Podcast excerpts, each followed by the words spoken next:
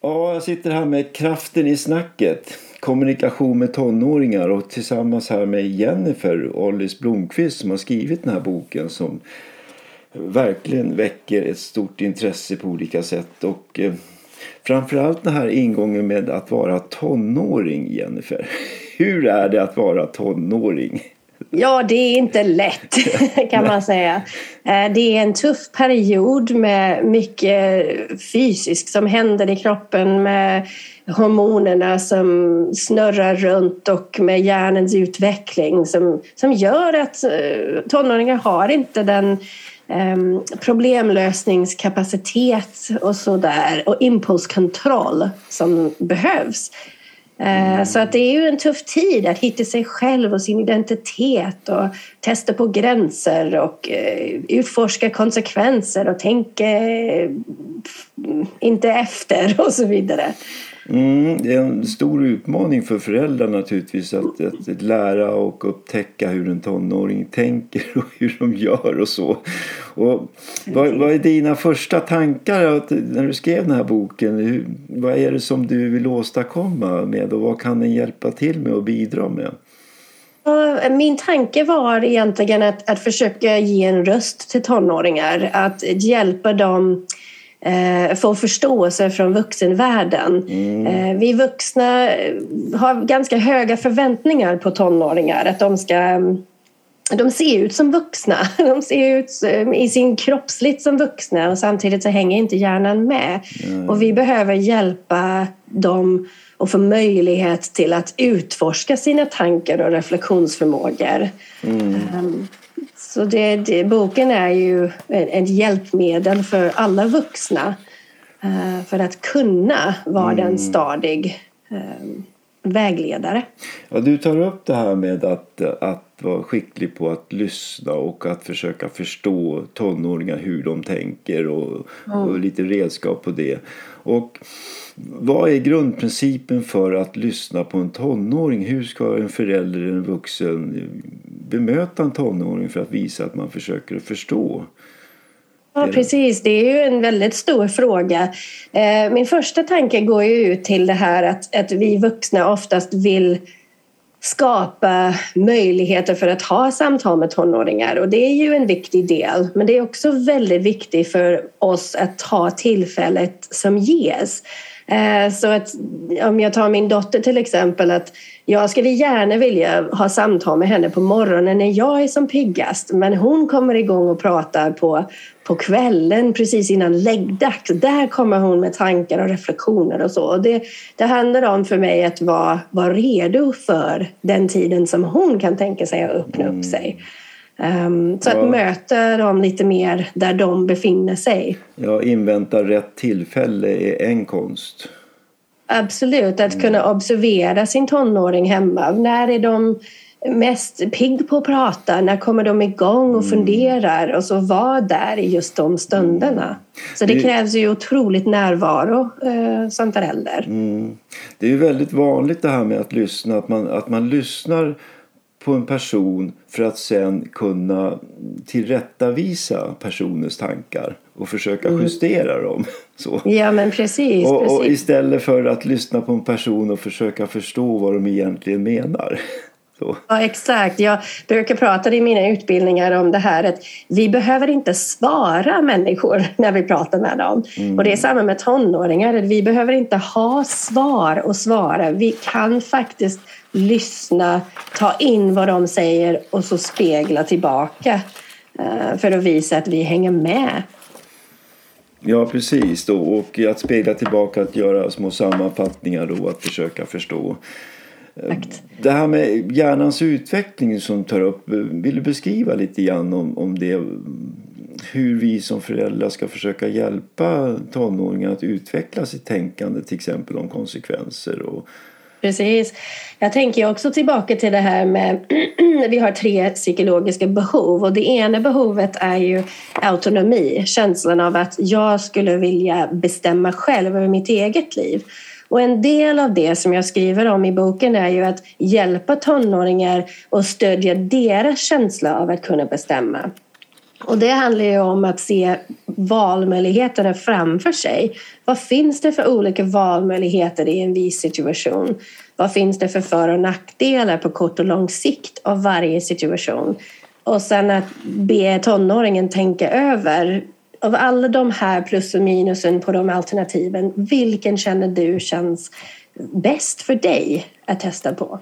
Mm, mm. Och genom att göra det så dels övar vi upp den här kritisk förmågan av att kunna tänka på konsekvenser och att vi hjälper dem ta ansvar för mm. sitt eget och eh, sitt eget beslut men också de konsekvenserna som besluten för med sig. Ja, det är klart att det måste vara tufft ibland när de kommer fram till saker som vi vuxna kanske inte gillar då. Men det är ju det som är så tufft att, eh, att liksom ha den här icke-dömande, accepterande förhållningssättet. Mm. Um, samtidigt så behöver vi ha en balans till att det är det som kommer att behövas för att de ska öva upp färdigheterna. Exakt, ja, det är spännande. att Du skriver ju tonåringar som kunskapskällor och tar upp den här skillnaden mellan resursfokus och problemfokus. Mm. Utveckla det lite grann. Ja, eh, det, det handlar ju om att, att se tonåringar som kloka individer, att de har ju sin kunskap om sig själv. De är experter på sig själv. Och att vi i vårt samarbete kan eh, ta med vårt expertis av lite mer erfarna år och så vidare. Men att se tonåringar först som, eh, som resurser i sig själv. Att ha ett problemfokus handlar ju om att fokusera på det som inte fungerar, som de inte har eller inte gör. Mm. Eh, och en resursfokus handlar ju mer om att se när en tonåring går upp och går till skolan att fokusera på det. Även om det är en gång av fem dagar att tonåringen gått till skolan så fokuserar vi på vad var det som gjorde att du gick upp? Hur tänkte du då? Vad var det som gjorde att du förberedde dig inför att gå upp till skolan? Och genom att ha det fokuset så gör, och gör mer av det mm. så, så minskas ju det här det negativa fokuset eller problemfokuset. Mm. Och att lyfta det, det, som fungerar, framgångsfaktorer på något sätt. Precis. Du skriver också förändringsprat. Berätta. Ja, hur, hur, definierar man förändringsprat? Ja, bra fråga. Eh, förändringsprat är ju all prat, uttalanden, argument till att vi skulle vilja förändra oss eller göra på ett annat sätt. Um, så det, det är ju en väldigt viktig del av att jag vill göra någonting för min egen skull och då uttrycker jag varför jag vill det. Då blir det min förändringsprat, mina anledningar till att förändra mig. Mm. Mm. Och att, eh, att utforska då det här som en vuxen hos en tonåring. Vad ska man tänka på för att eh, höra förändringsprat och hjälpa till att förstärka det? hur ska man göra? Det är ju verkligen att, att spetsa öronen till att just lyssna på det. För i en mening eller ett samtal med en tonåring så, så kan vi höra Nej, jag vill inte gå till skolan, mina lärare förstår mig inte. Men, men jag tycker det är jobbigt att komma sent hela tiden. Mm. Alltså, då, då, har vi båda det här icke-förändringspratet som var i början på min, min exempel då. Och det slutet var ju förändringsprat. Men jag gillar inte att komma sent. Okej, mm. det kan vi fokusera på. Så du vill komma tidigt? Exakt, så du vill kunna komma tidigt till skolan. Vad kan vi göra för att hjälpa dig dit? Eller på vilket sätt är det viktigt mm. för dig att komma i tid till skolan? Det här kräver ju ett väldigt noggrant lyssnande, att man verkligen hör de här små nyanserna i språket. Exakt. Och som förälder så har man ju väldigt fullt upp med vardagens alla pysslor och så. så hur ska man göra för att träna upp den här förmågan att, att lyssna efter förändringsprat? Vad är dina tankar om det? Ja, mina tankar går ju direkt till att, att vi ska ha koll lite på vår eh, hjälpnödighet eller vår lösningsfokus. För vi som föräldrar vill lösa problem eh, och vi lever i ett samhälle där vi, vi ska lösa och saker ska hända fort och det ska vara resultat och så vidare. Um, så att min, min tips är ju att stanna upp och inte svara direkt och inte gå in i lösningar. Hur ska vi göra då? Vad, vad behöver du för att komma dit? Och så vidare. Att stanna mm. upp och mm. lyssna. Vad är det jag hörde? Ja, jag hörde. Jag vill inte komma sent till skolan. okej, då går vi in och pratar lite mer om det. Vad är det som gör att det stör dig att komma sent till skolan mm. till exempel? Så det är tålamod och uthållighet och sitta på händerna lite grann. Ja, precis. Ta, det lugnt. Och, och, och, inte gå in i lösningar. Och det är ju någonting som eh, jag kopplar ihop med det jag var inne på tidigare. Att, att jag måste svara en person eller svara en tonåring. Mm. Men det behöver jag inte göra. Jag kan faktiskt stanna upp och det, det händer mycket utan av att jag pratar. Jo, och det är klart att det väcker ju mycket sympatiska tankar om att man vill hjälpa till och lösa saker. Samtidigt ja, då, hos föräldrar. Då får man tänka, det är därför jag gillar ordet hjälpnödighet. För på något sätt så handlar det om att ja, men, när jag är hjälpnödig så vill jag hjälpa så mycket. Men jag vill också hjälpa för att jag tycker det är jobbigt att stå bredvid. Mm. Um, och det är också därför just um, ja, den engelska boken heter Lighthouse Conversations. För mm. vi, vi är ju en, jag ser vuxnas roll som en fyr som står stadig på en klippa och, och, och guida tonåringar till oss. Och i det så blir det en otrolig kraft i samtalet med dem. Mm. Och det är också därför det svenska namnet blev Kraften i snacket. Mm. Eh, motivation är ju ett viktigt begrepp för många. Att man vill motivera sina barn kanske till att göra saker och ting. Då du tar upp det här att ehm, skillnaden mellan att motivera en tonåring till förändring eller att öka en tonårings inre motivation till förändring. Yes. Hur ska man tänka där som förälder? Att när man vill motivera dem till att plugga mer eller kanske vara mer aktiva, att röra på sig mer, sitta mindre framför datorn. Hur ska man tänka som vuxen? Exakt. Jag, jag tänker att vi den här att öka inre motivation till förändring handlar ju om att se vad, vad har tonåringen för grundläggande drivkrafter. För vi gör ju eh, saker av anledningar allihopa. Så att det handlar för mig om att stanna upp och se vad är det som den här personen brinner för? Um, vad, vad är viktigast för den här tonåringen? Vad vill tonåringen uppnå med sitt spelande till exempel? Och mm. koppla ihop det till målet som, uh, som vi försöker uppnå tillsammans. Mm. Så att lyssna in deras syn på saken för att sen kunna acceptera det och också göra överenskommelser om hur man fortsätter med olika aktiviteter. Ja. Mm. Hur kommer det att gagna dig i framtiden? Mm, eh, så. Mm.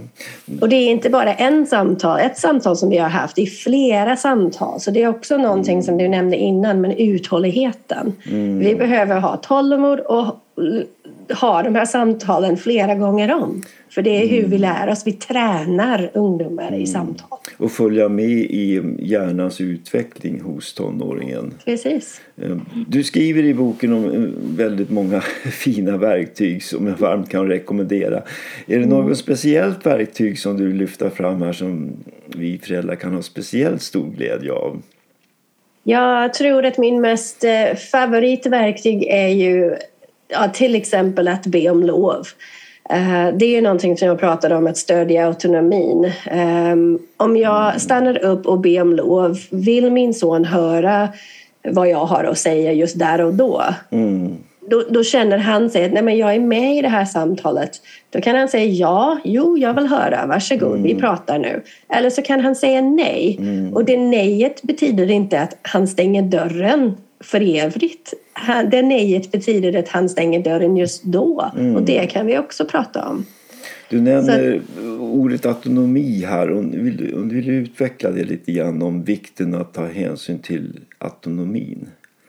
Autonomi är ju vår känsla av självbestämmande. Mm. Och det är en grundläggande behov som vi alla människor har. Och ungdomen är, är ju samma som oss och har det behovet. Och när de känner att de befinner sig i en situation där de inte kan utvecklas, bestämma över saker, välja saker, då, då blir deras autonomi eller självbestämmande hotad. Mm. Um, och då kan man agera utifrån det. Man kan bli för frustrerad eller irriterad, arg eller faktiskt uppgiven.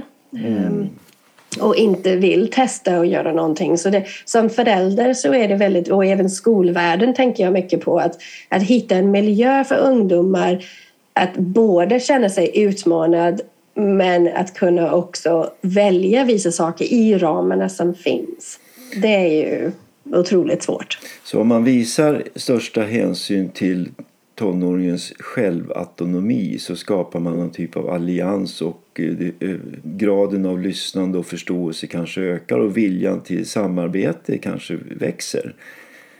Precis, det låter precis. som en grundläggande funktion som behövs i otroligt många sammanhang i samhället idag. Att eh, visa respekt för även barn och ungdomars vilja och behov av e- att få bestämma själv.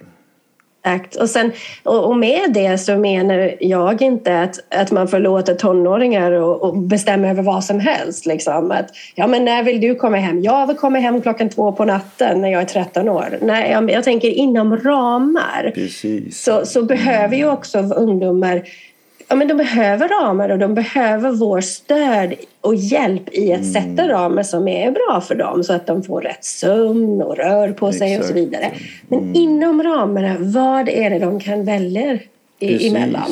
Och sen utifrån deras beslut som du beskriver så fint här att prata om konsekvenserna av beslut om de är innanför ramarna och Exakt. vad som händer om man går utanför ramarna. Exakt, precis. Och... Så jag, jag försöker verkligen i boken ta båda upp följsamhet som, som behövs också för att utforska och lyssna och lära känna en tonåring på sina villkor och den vuxen behov av att um, styr och gränssätta och sådär. Mm. Eh, så jag försökte balansera det för att det blir liksom en bok för, för att ta vidare en liksom fin um, konsekvenstänkande, kritiskt tänkande mm. tonåring till vuxen ålder. Så man kanske skulle kunna säga då att tydlighet består av att man utforskar och hjälper tonåringen att förstå konsekvenser av sitt agerande och ta beslut som finns innanför ramarna.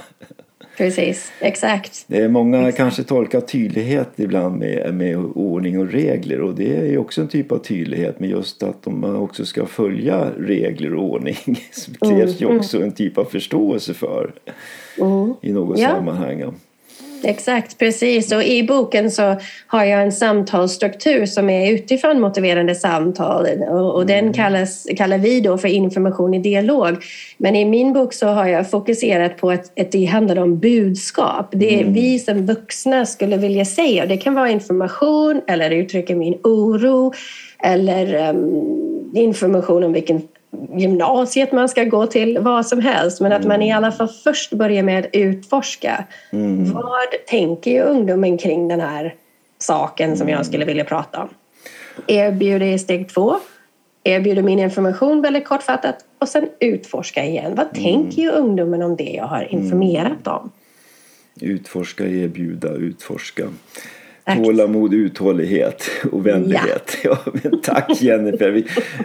Jag kan verkligen varmt rekommendera boken Kraften i snacket. Om du vill få en god relation i som lyssnar med era tonåringar, alla vuxna tonåringar runt omkring dig så läs boken och testa och prova. Så. Jennifer, innan vi avslutar nu så är det någonting här som du skulle vilja tillägga? Och jag tänkte, boken skrev jag utifrån att det skulle vara dels en reflektionsbok för oss som vuxna. Det finns många praktiska verktyg, eh, många övningsmoment och mm. reflektionsmoment för oss. Så att det, det är verkligen en um, bomb av alltihopa där i. Uh, så att, uh, och är det någon som har frågor eller funderingar så får de jättegärna höra av sig till mig. Mm. Um, jag kan nås på jennifer novovia.se. Ja, men stort tack Jennifer. Det har varit otroligt spännande och inspirerande att byta några ord om det här svåra området som vi alla brottas med i olika sammanhang i livet. Och vi kan underlätta för tonåringar att få en bra start i vuxenlivet. Det är ju målet, förebygga saker innan det blir värre. Mm. Eh, tack för att jag fick vara med. Mm. Eh, återkom gärna till Jennifer med frågor och funderingar och, så, så och så, så för det här samtalet vidare i olika sammanhang. Och tack till alla er som har lyssnat och på återseende. Tack Jennifer. Tack själv.